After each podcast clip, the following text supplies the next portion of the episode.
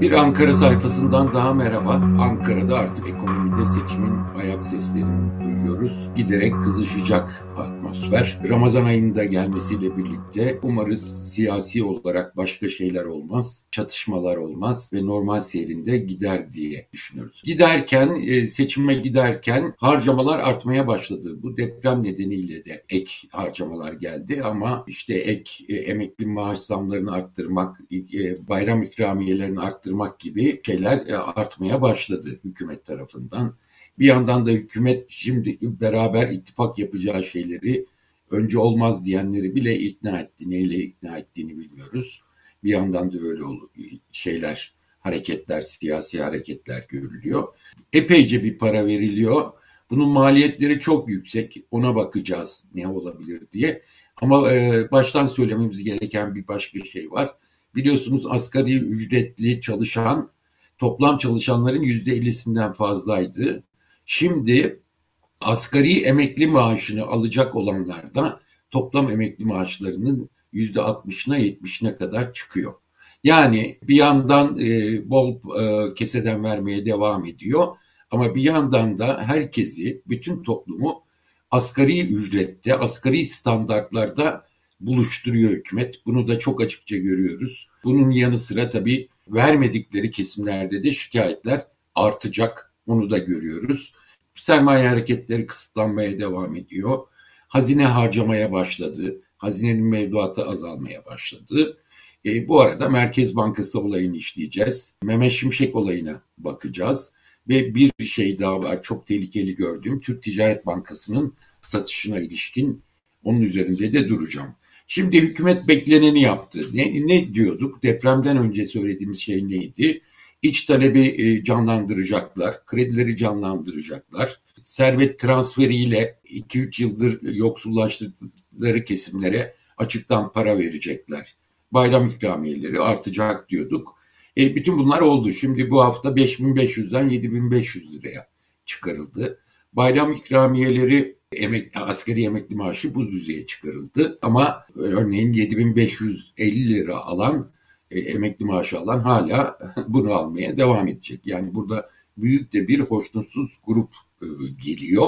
Bunun yanı sıra 2000 liraya çıkarıldı bayram ikramiyeleri.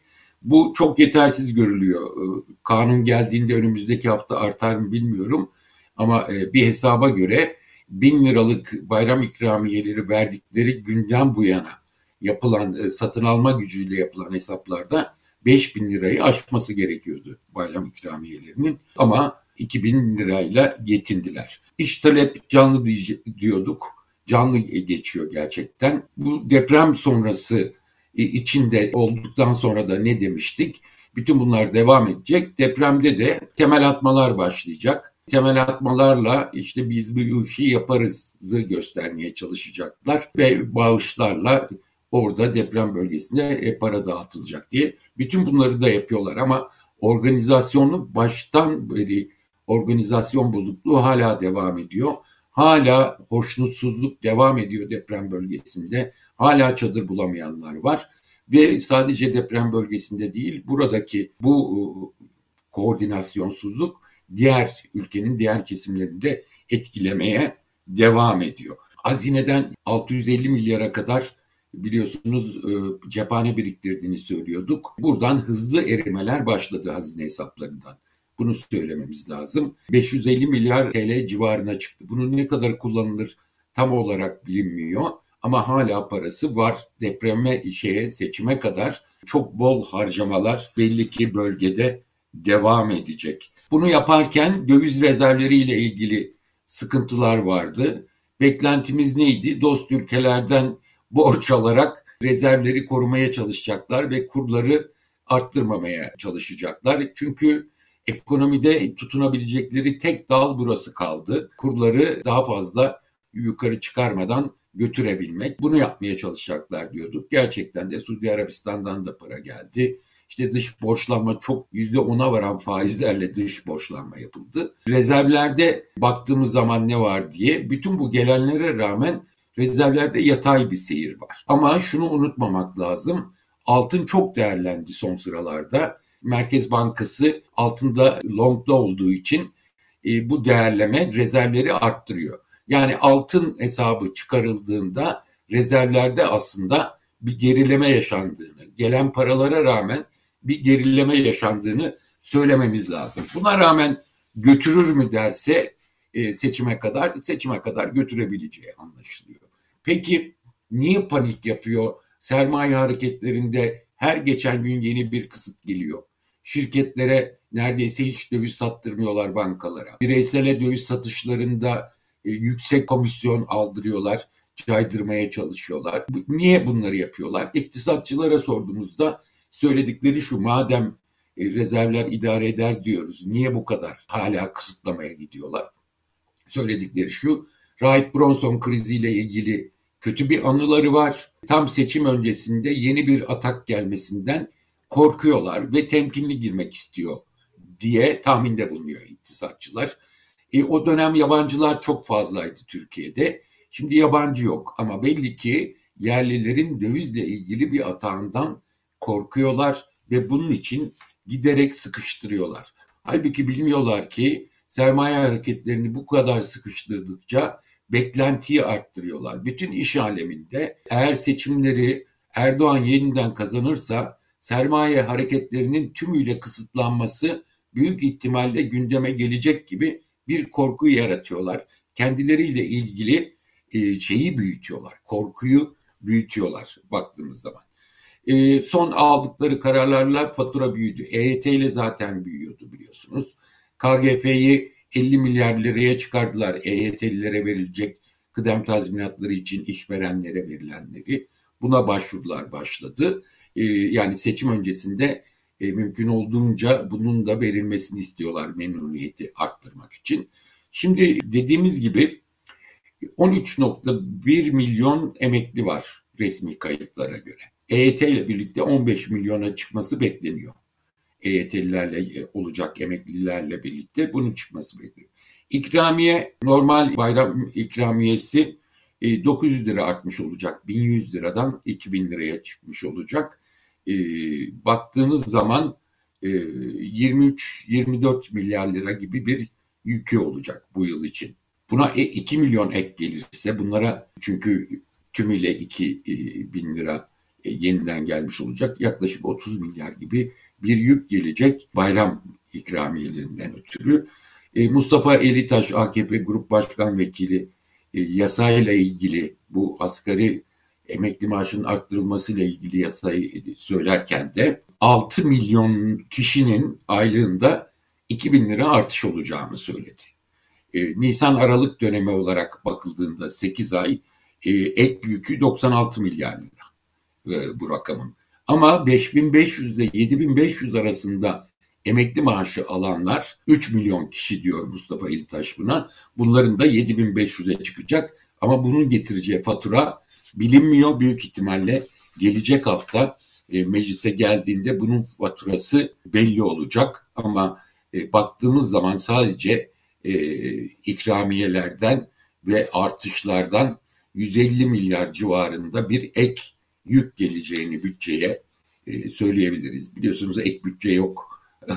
Bütün bunlara rağmen e, seçim sonrasına kalmış durumda o da. Dediğimiz gibi asgari ücret %50'den fazlası bazı hesaplara göre 55-60'a varanı e, asgari ücretlilerin şeyi toplam ücretler arasındaki payı bu kadar. Yani çalışanların yarısından fazlası asgari ücrete mahkum. Şimdi emeklilere baktığımız zaman 6 milyondan 9 milyona çıkmış oluyor asgari emekli maaşı alacakların sayısı. Mustafa Elitaş'ın hesabına göre.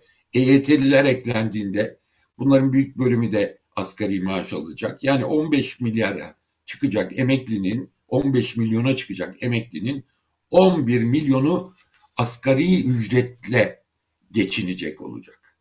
Bunu da düşünürseniz e, bu yüzde yetmiş seksenlere çıkan bir orana denk geliyor. O yüzden diyoruz ki asgari maaş toplumun standart maaşı olmuş durumda ve hükümet herkesi asgaride birleştiriyor. E, her e, e, kamplaşmayı, bölünmeyi, e, toplumsal kesimler arasındaki bölünmeyi körüklerken birleştirici bir tek yönü oluyor Onu söyleyebiliriz. Herkese asgari ücrette birleştirmiş olacak. Bütün bunlar gösteriyor ki başka bulgularla bakıldığında e, ekonomi politikası çöktü. Artık uzatmaları oynuyor. E, bunu artık e, açıkça görüyoruz. Son dönem yaşananlar bize bunu açıkça gösteriyor. Bütçe açığı artmaya devam edecek devasa boyutlarda. E, seçimden sonra ne olacağı belli değil. Cari açık artmaya devam ediyor. Yani ikiz açıkla karşı karşıyayız. Enflasyonun azması kaçınılmaz.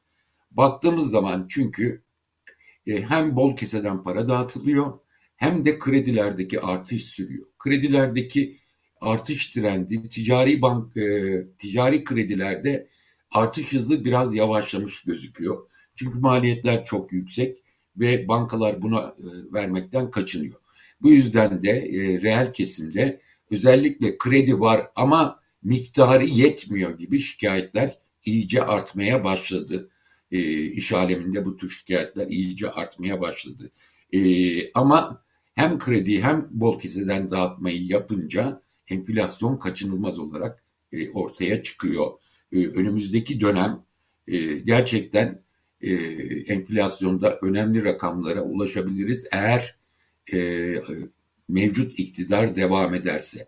Mevcut iktidar devam etmezse e, çok daha e, yapısal tedbirler ve enflasyonla mücadele hem parasal hem mali açıdan devreye girecek. Bunu da altılı mesela e, ekonomistlerinden her geçen gün duyuyoruz. Çok açık e, konuşmasalar da e, sıkı tedbirlerin geleceğini görebiliriz. İş talebi canlı tutmak istiyordu. Gerçekten canlı tuttu.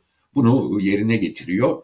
Ama ekonomide çok büyük hasarlar e, yaratma pahasına e, devam ediyor. E, tüketici kredileri artıyor. Niye artıyor? Baktığımız zaman iktisatçıların söylediği bu çok açıkça şunu gösteriyor. Vatandaşlar önümüzdeki dönem enflasyonun çok daha yükseleceğini görüyorlar. Bir. İkincisi vatandaşlar önümüzdeki dönem faizlerin çok yukarı çıkacağını da görüyorlar. O yüzden de şimdi harcamalarını arttırıyorlar. Bu da e, seçime kadar e, canlı bir piyasayı, hükümetin istediği canlı bir piyasayı ortaya çıkarıyor gördüğümüz kadarıyla. E, buna karşılık sermaye hareketleri biliyorsunuz her geçen gün gösteriyor. Bunun telaşının neden olduğunu da söyledim. Artık yabancıdan da değil, yerlilerden korkuyorlar. AKP'liler de bu ekonomi politikasının sürdürülebilir olmadığını gördüler. Bunu e, zaten görüştüğümüz AKP'li iş adamlarından da açıkça görüyoruz. Bu konuda bir tek umutları kalmıştı Mehmet Şimşek. Mehmet Şimşek yeniden devreye girer mi diye. Ee, bu geçtiğimiz hafta bu da sona erdi ve çok ciddi biçimde bir hayal kırıklığı yaşanıyor AKP'nin içinde. Özellikle AKP'ye yakın iş adamlarında gördüğümüz kadarıyla bu iş artık olmayacak. Bu politikanın değişmesi lazımdı. Mehmet Şimşek bunun için umuttu ama belli ki o da gelmiyor diyorlar. Büyük bir moral bozukluğu yaşandı. Bu moral bozukluğunu düzeltmek için şimdi kendilerine yakın gazetecilere ya aslında Mehmet Şimşek dışarıda tedavi görüyor o yüzden gelemedi gibi laflar bile çıkarttılar. Yani bu ne kadar Mehmet Şimşek olayının kendi tabanlarında ne kadar büyük bir e, moral bozukluğu yarattığını gösteren en küçük bir örnek bile e, bu. Yani bu, buraya kadar geldiler. Bildiğimiz kadarıyla Mehmet Şimşek'in hastalığı falan yok. Öyle tedavi görecek bilmem ne yapacak hastalığı yok. Mehmet Şimşek bir şey yapamayacağını gördüğü için bu rejimde e, tek başına karar alınan bir sistemde ne olur ne yaparsa yapsın e, üstüne üstlük de ekonomi anlayışı belli olan bu tek adamın da ekonomi anlayışı belli olan bir yerde bir şey yapamayacağını gördü ve itibarını korumak için reddetti. Zordu e, bunu reddetmek ama reddetti. Bunu gösterdi. Şimdi AKP tabanında çok ciddi biçimde bir telaş var. Peki o zaman kim gelecek? Ellerinde bir tek Lütfü Elvan kaldı.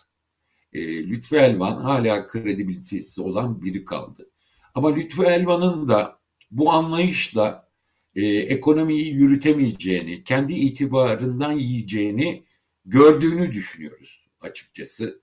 Yani e, Mehmet Şimşek gibi talep olduğu zaman e, hem de birinci tercih de olmuyor o zaman Lütfü Elvan. Mehmet Şimşek birinci tercih. Mehmet Şimşek gibi e, bu şeyi reddedebilecek mi? E, bu kararlılığı gösterebilecek mi? E, onu göreceğiz yakında. E, ama ciddi bir şey olacak. E, bir kere e, itibar zaten Mehmet Şimşek gelse bile e, itibar sağlaması ekonomide çok mümkün değildi AKP'nin. E, şimdi çok daha zorlaşmış durumda. Ha, devşirme isimlere gideceklerini duyuyoruz. Yani işte e, ismi itibarlı olan AKP dışından kişileri e, kadroya katıp katmayacakları bütün bunlar konuşuluyor. Ama e, çok açık söylemek gerekirse e, aklı başında ve bu deneyimi gören bir e, teknisyenin e, böyle bir durumda, böyle bir iklimde görev alması mümkün değil. Bu telaşı arttıran en önemli sebeplerden biri altılı masanın ekonomik kadrolarının çok güçlü olması. E, mutabakat metninde de bu gözüktü zaten. İsimleri görüyoruz. E, yurt içinde ve yurt dışında itibarlı isimler e, ortada. E, yakında belki altılı masa seçime gitmeden önce ekonomik kadrolarını bile açıklama e, yoluna gidecek. E, bu, bununla birlikte zaten çok büyük bir avantaj elde edilecek. Yani tek başınıza baktığınız zaman CHP, tek başına İyi Parti, hatta Deva Partisi ve Gelecek Partisi'nin ekonomik kadroları AKP'nin olmayan ekonomik kadrolarından 10 kat 20 kat daha güvenilir gözüküyor. Bunu AKP'liler de görüyor. Bu yüzden de e, ekonomiden kaybettik ve ekonomiyi düzeltecek e, bir çabalarımız da cevap vermiyor. E, bu yola girilemiyor diye e, panik içerisindeler. E, bunu da söylememiz lazım. Sadece hükümet ya da ekonomi yönetiminin tümü itibar kaybetmedi. Merkez Bankası tek başına büyük bir itibar kaybına uğradı. Bu e, daha önce burada bahsetmiştim. E, kendilerine ödenen e, maaşları çok yüksek rakamlara ulaştırdılar Merkez Bankası yönetimleri son yıllarda. 70-80 bin lira maaş alanlar var. Geçen sene, geçen hafta karar aldılar. performans primi rakamları belli oldu. Bazılarına 4 maaş, bazılarına 2 maaş performans primi ödeniyor. bankanın İstanbul'a gitmesine, oraya gönderilmeye dava edenlere de e, performans primi verilmiyor. Bu tam bir fiyasko. Yani ne açıdan bakarsanız bakın tam bir fiyasko ve Merkez Bankası tarihinin en itibarsız dönemini yaşıyor. Merkez Bankası kurumsal olarak hala çok güçlü, hala teknik yönü çok kuvvetli insanlarla dolu ama Merkez Bankası yönetimi gerçekten içim acıyarak söylüyorum uzun yıllardır takip eden biri olarak Merkez Bankası yönetimi o kurumu tarihinin en itibarsız durumuna düşürmek için her gün yeni bir şey yapıyor. Bu çok can acıtıcı bir şey çünkü çok değerli bir e, kurumdan bahsediyoruz açıkçası.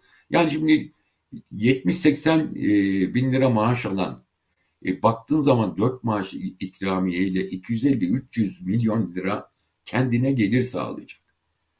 E altılı masa geldiği zaman o kararın ne kadar yanlış olduğu ortada. Deprem İstanbul'daki deprem korkusu yeniden arttı.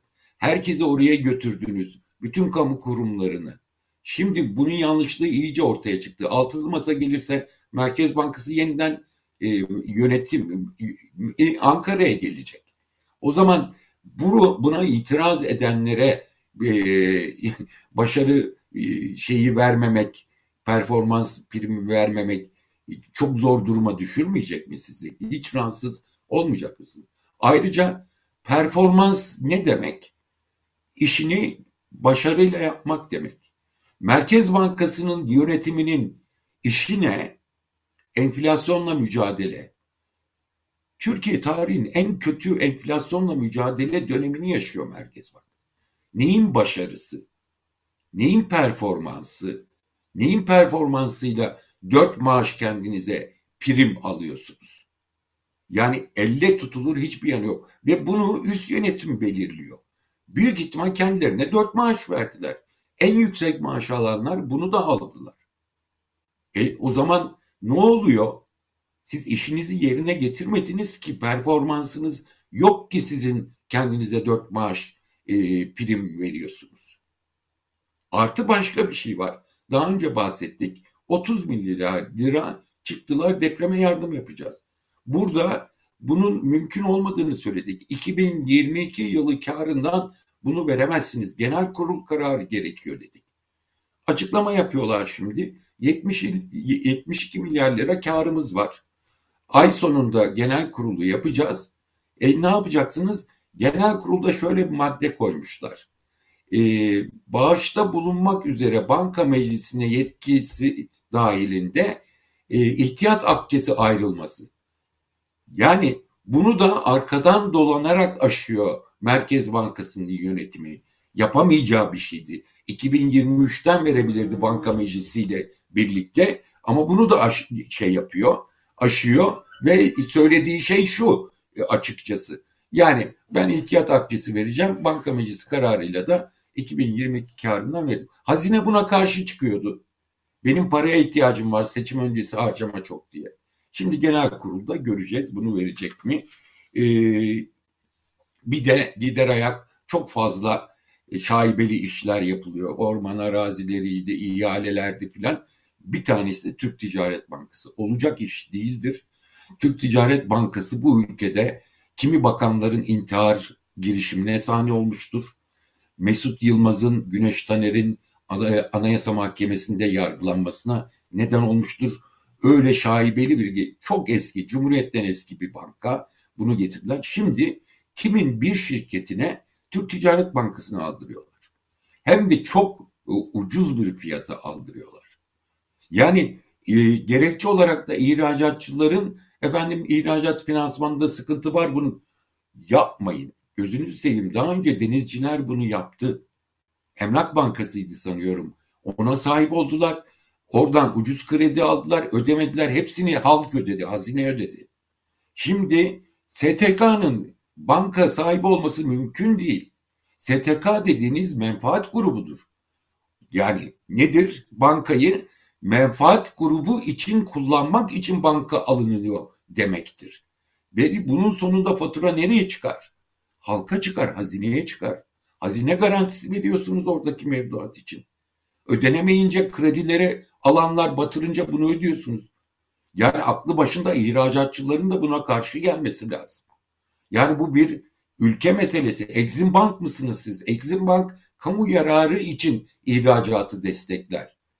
Ama siz böyle bir Exim Bank benzeri bir şey kurdurmaya çalışıp hem e, baskı unsuru olacaksınız kamu siyasiler üzerinde hem de o baskı nedeniyle denizcilerde olduğu gibi ucuza krediler aldırıp sonunda faturayı halka çıkaracaksınız. Yani iki tane bakan yardımcısı yönetiminde Berat Albayrak'a çok yakın bir isim bu şirketin genel müdürü e, o zaman da gider ayak alelacele birileri mal kaçırıyor diye e, bu konuşulur. Konuşulmaması mümkün değil. Olacak iş değil. Yani iktidar değiştiği takdirde mutlaka bunun önünün kesilmesi gerektiğini şimdi verirlerse seçime kadar onu da söylemek istiyorum. Evet, e, Ankara'dan aktaracaklarım bu kadar. Haftaya görüşmek üzere.